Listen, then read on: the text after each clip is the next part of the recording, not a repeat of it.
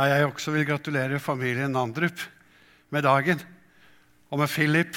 Og jeg håper at dere får en festdag videre og et liv godt for Philip og for dere. Og så vil jeg også gratulere Jan Magnus. Det er første dåpen, og han er nå godkjent som eh, døper her i misjonssalen. Det var bestått testen. Jeg har, eh, kan skrive en sånn attest for han. Men vi har en ordning i Misjonssambandet at vi sender eh, inn og ordner opp slik at vi får, har, har godkjente folk til å døpe. Det syns jeg er veldig fint, og nå er Jan Magnus en av de. I dag så skal vi lese teksten etter hvert fra Matteus 13. Men eh, vi skal eh, se på kapitlet i, i, dette 13. kapitlet og se på de, for, litt de forskjellige lignelser som er der nettopp om himmelriket. Det er et, eh, et spesielt kapittel. Og vi lærer ganske mye av de forskjellige lignelsene om hva Guds rike er, hva himmelriket her på jord er, og hvordan vi egentlig skal forstå det. Så teksten er en del av det kapitlet, men jeg skal peke litt på forskjellige sider av disse lignelsene. Men først så har jeg lyst til at vi skal se på et bilde. Og nå har jeg fått det opp på skjermen. Kanskje litt lenger ned. vet ikke. Det bildet har litt med dagen å gjøre. Og noen av dere gamle har sett det mange ganger. Og jeg er sikker på at bildet har påvirket oss som er litt oppe i årene.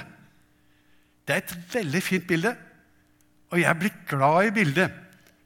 Og jeg kommer til også, Vi ser på en måte litt om disse åkrene som er der ute. Og så ser vi mesteren som legger handa på skuldra til et kall, slik at vi skal kunne gå ut. Og jeg tenker at Når vi har sett på det bildet, vi som på en måte er født før det var så masse bilder, før TV og, og fil, ja, filmer var det kanskje Men iallfall så, så, så var dette på utsyn. Gang etter gang. Og det festa seg.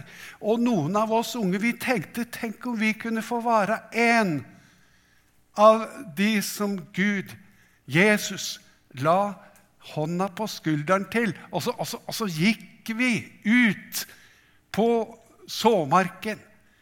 Og så kunne vi høste, og vi kunne så, osv. Det er et vakkert bilde og et så fint motiv. Og jeg tenker at dette har påvirket oss mye. Og Kanskje du som er litt oppi åra, som eh, så dette mye i din ungdom. Du kan la det nå komme inn i hjertet ditt igjen. Og så blir det en liten påminnelse om at jeg har jo et kall. Jeg har jo et oppdrag. Jeg er en som skal være med å høste, eller en som skal være med å så. Jeg skal være med i Guds rikes store arbeid. La det komme inn til deg, også, og så si at dette, dette, dette gjelder også i dag. Kallet er der og nå.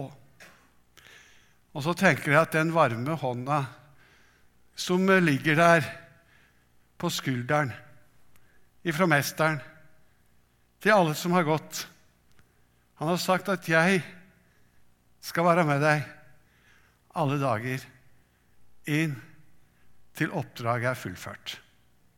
Inn til verdens ende. Det er så vakkert og godt å tenke på.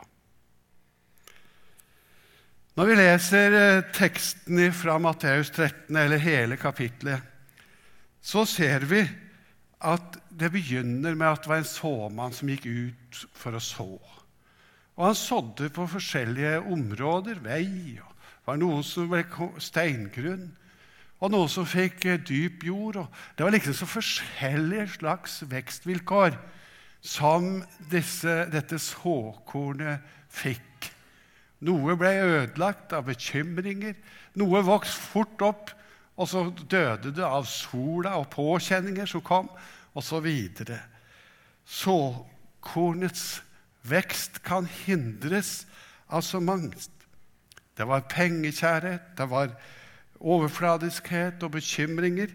Men det har også en kraft inn i det miljøet, det omgivelsene, som det var sådd inn i.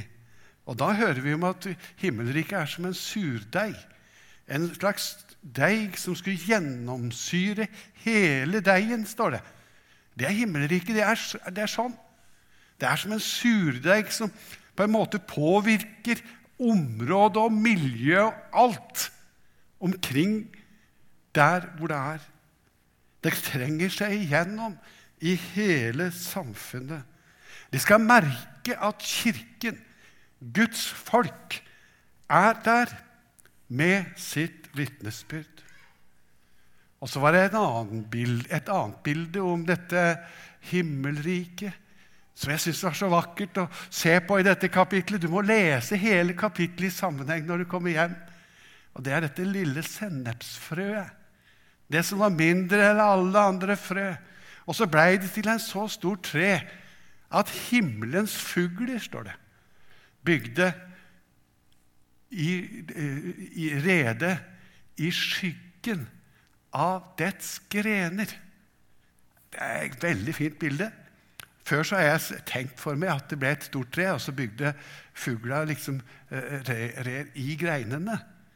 Men her står det 'i skyggen av disse grenene'. Altså i følgen På en måte Der hvor Guds rike vokste opp, der hvor Guds rike går frem, der hvor misjonen får fotfeste, der skjer det noe i omgivelsene. Slik at eh, himmelens fugler kan bygge rede. De kan finne beskyttelse der hvor kirken vokser. Sjøl om de selv ikke er en del av denne kirken, så får de oppleve og erfare at der hvor Guds ordet holdes oppe, der får også samfunnet omkring nytte av det. Det er det Jesus snakker om når han sier om dette lille sennepsfrøet som blir så stort, og så, og vokser, blir det reder til fuglene i skyggen av dets grener. Jeg skal ikke tolke alle detaljer inn i lignelsene, sier jeg ser bibelskolelærere som sitter der. og de lurer på, Men Jesus gjorde det. Han tolka mange ting inn i lignelsene. Ikke bare ett poeng, men mange fine ting. Det ser vi senere. Og dette Guds rike, det trenger medarbeidere. Og det forteller, teksten forteller om liksom det realistiske, den kampen som vi møter. Og, men allikevel, sjøl om vi mange ganger kan oppleve mye som nederlag og vanskeligheter, undergang, forfølgelse, smerte, så vokser Guds rike frem. Kirken, himmelriket, det er hele tiden Guds verk. Det er et Guds under og den går mot fullkommenhetens vår, synger vi. Men teksta som vi har i dag, som kommer midt inn i denne rekken av lignelser, den skal vi nå lese sammen, og det står ifra vers 24. Han la fram for dem en annen lignelse, står det. Himmelriket kan sammenlignes med en mann som hadde sådd godt korn i åkeren. Og mens alle sov, kom fienden og sådde ugresset blant hveten og gikk sin vei. Da kornet skjøt opp og satte aks, kom også ugresset til syne. Tjenerne gikk til jordeieren og sa, 'Herre, var det ikke godt korn du sådde i åkeren?' Hvor kommer da ugresset fra?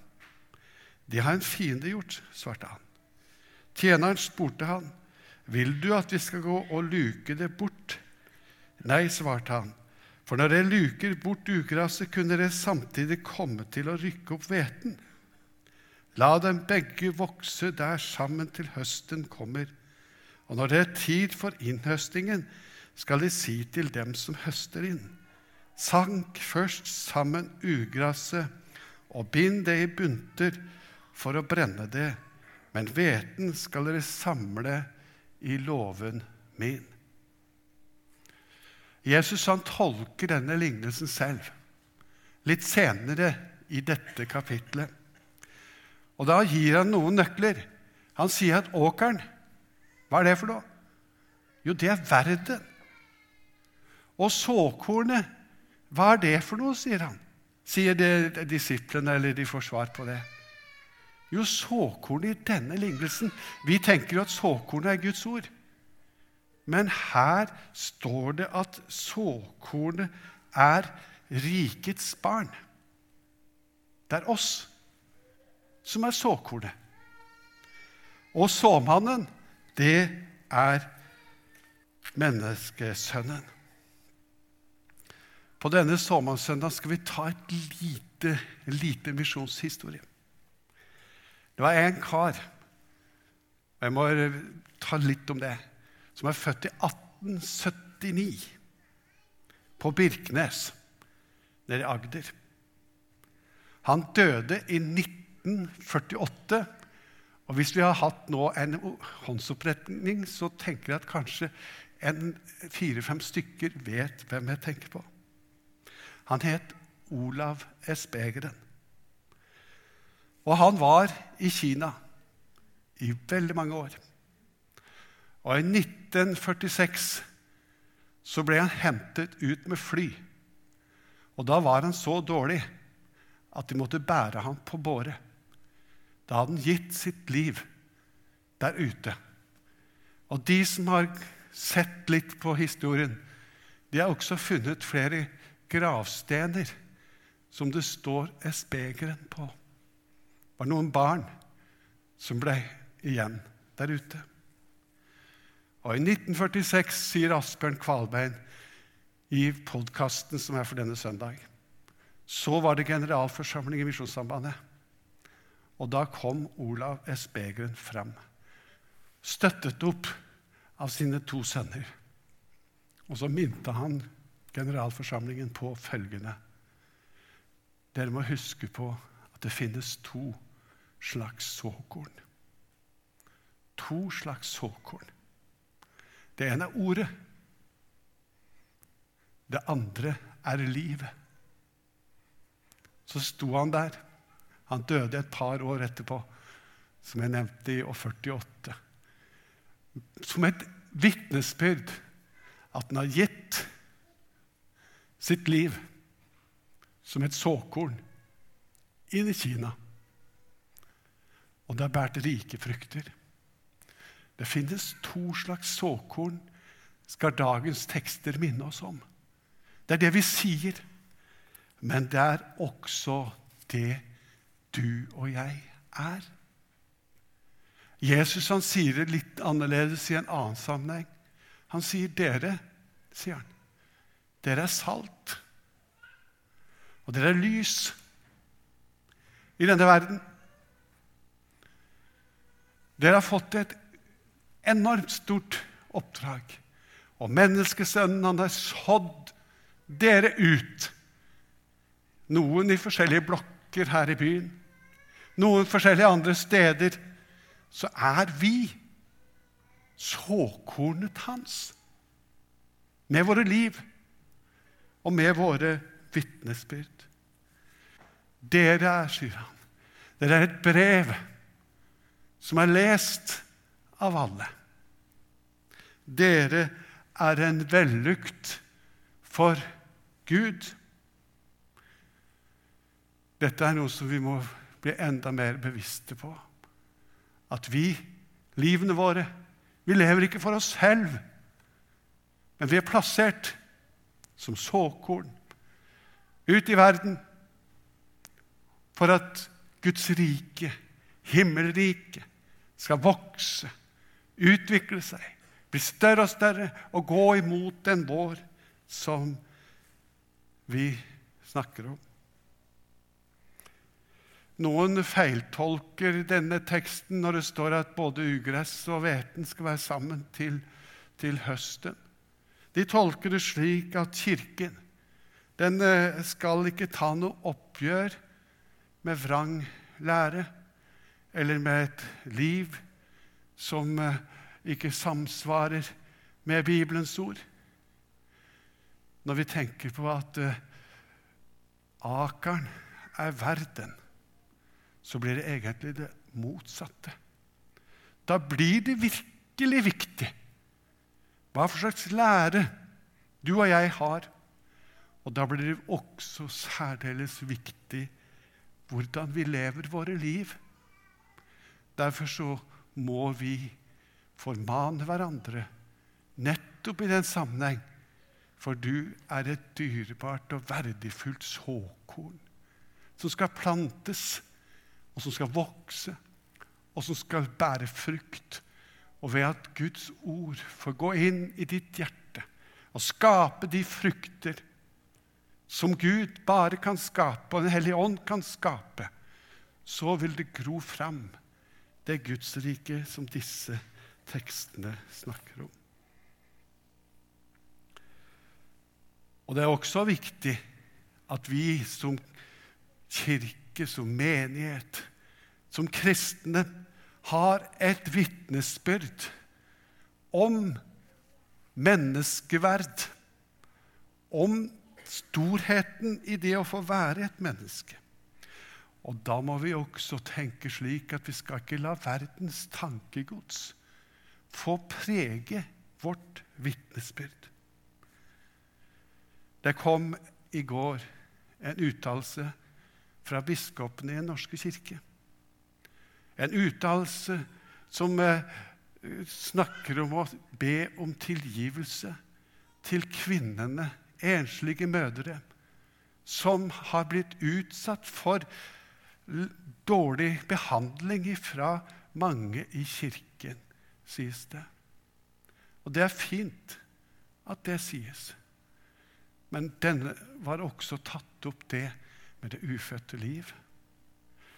Og jeg kjente sånn på når jeg leste denne uttalelsen, at er det noen vi som kirke, som menighet, som enkeltmennesker virkelig trenger å be om tilgivelse for, så er det at vi ikke har stått opp med klart vitnesbyrd til de som ikke har stemme i dag. De hundretusenvis av små menneskebarn. Og så har vi stilnet. Vi er tiet. Da trenger vi å gå inn for Gud og så spørre har vi vært det salt og det lys? Har vi vært de som har fått bære fram den frukt som vi skulle i vårt samfunn?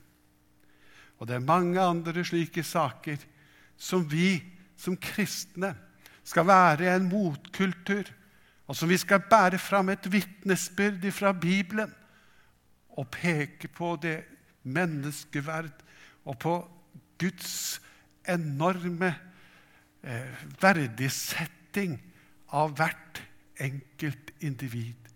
Helt ifra unnfangelsen og til den naturlige død. Et annet område som disse tekstene syns jeg smerter og jeg tenker på, og som kanskje er enda mer alvorlig. Det tar for seg det at det finnes to utganger. Det sier noe om at det finnes to steder.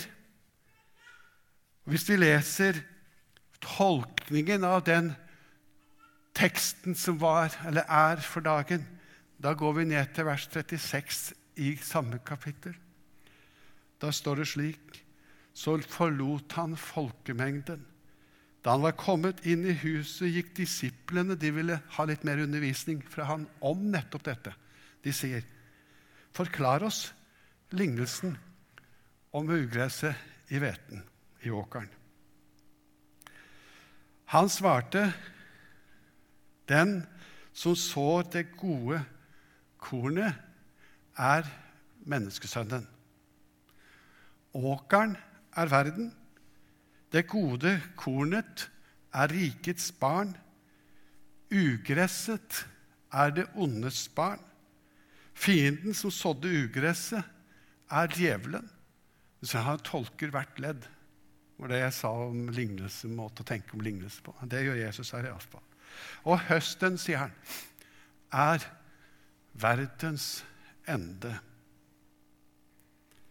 De som høstes inn, høster inn, er englene. Og slik som når ugresset blir sanket sammen og brent på ilden, slik skal det gå ved verdens ende. Menneskesønnen skal sende ut sine engler, og de skal sanke sammen. Det står det slik. Det er Jesus som tolker denne lignelsen. Og ta bort fra hans rike alt som fører til fall, og alle som gjør urett. Så skal de kaste dem i ildovnen, der de gråter og skjærer tenner. De rettferdige skal skinne som solen i sin fars rike. De som har ører, hør. Det er slik Jesus tolket denne lignelsen. Men vi har sluttet å snakke om det på den måten.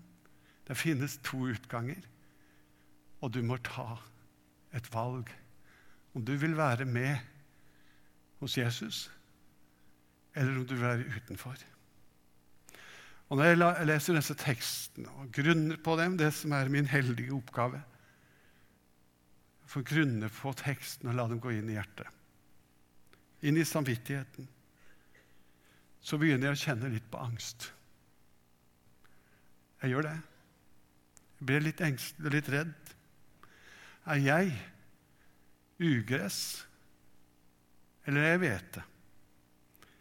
Er jeg en av dem med lys i lampa mi? Eller er jeg en av dem som blir utenfor? Utenfor eller innenfor? Slik er det Jesus på en måte stiller inn fokuset i dag. Utenfor eller innenfor? Derfor tenker jeg at det er viktig for deg og for meg at vi gir livene våre til Jesus på nytt igjen. Kjenner på kallet. At han kaller oss, det er nådetid, og inviterer oss til å være hos han.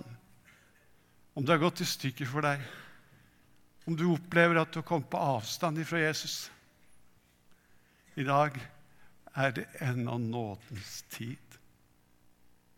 Og du skal få lov til å komme, være hos Han, høre Han til. Og du skal få lov til å ta et oppgjør og si her kommer jeg med mitt sunnrive liv. Her kommer jeg med mine synder, med mine nederlag. Og da skal du få erfare at nå, i nådetida, så står han der med åpne armer og tar imot deg med ditt liv. Tilgir deg, reiser deg opp igjen og vil gi deg fornyelse. Vi kan sette bildet opp igjen på der. Se på det en gang til. Og føl og tenk at dette bildet skal tale til deg i dag. Mesteren kommer, så legger han hendene på skuldrene dine, og så sier du, jeg vil så gjerne at du følger meg. Om du må være et såkorn som legges i jorden og blir til ingenting i første omgang. Du følg meg. Jeg skal være med deg. Eller om du kommer langt bort, så kommer han liksom og kaller deg inn igjen. Så legger han skuldra, og så hendene på skuldra og sier du skal få være min. Du skal få begynne på nytt igjen. Følg meg. Jeg vil ta deg inn til meg. Det vil Jesus gjøre på denne såmannssøndagen. Han vil så det ordet inn det kallet inn i ditt hjerte. Men så vil han også kalle deg til å bli et såkorn for han i hverdagen. Amen.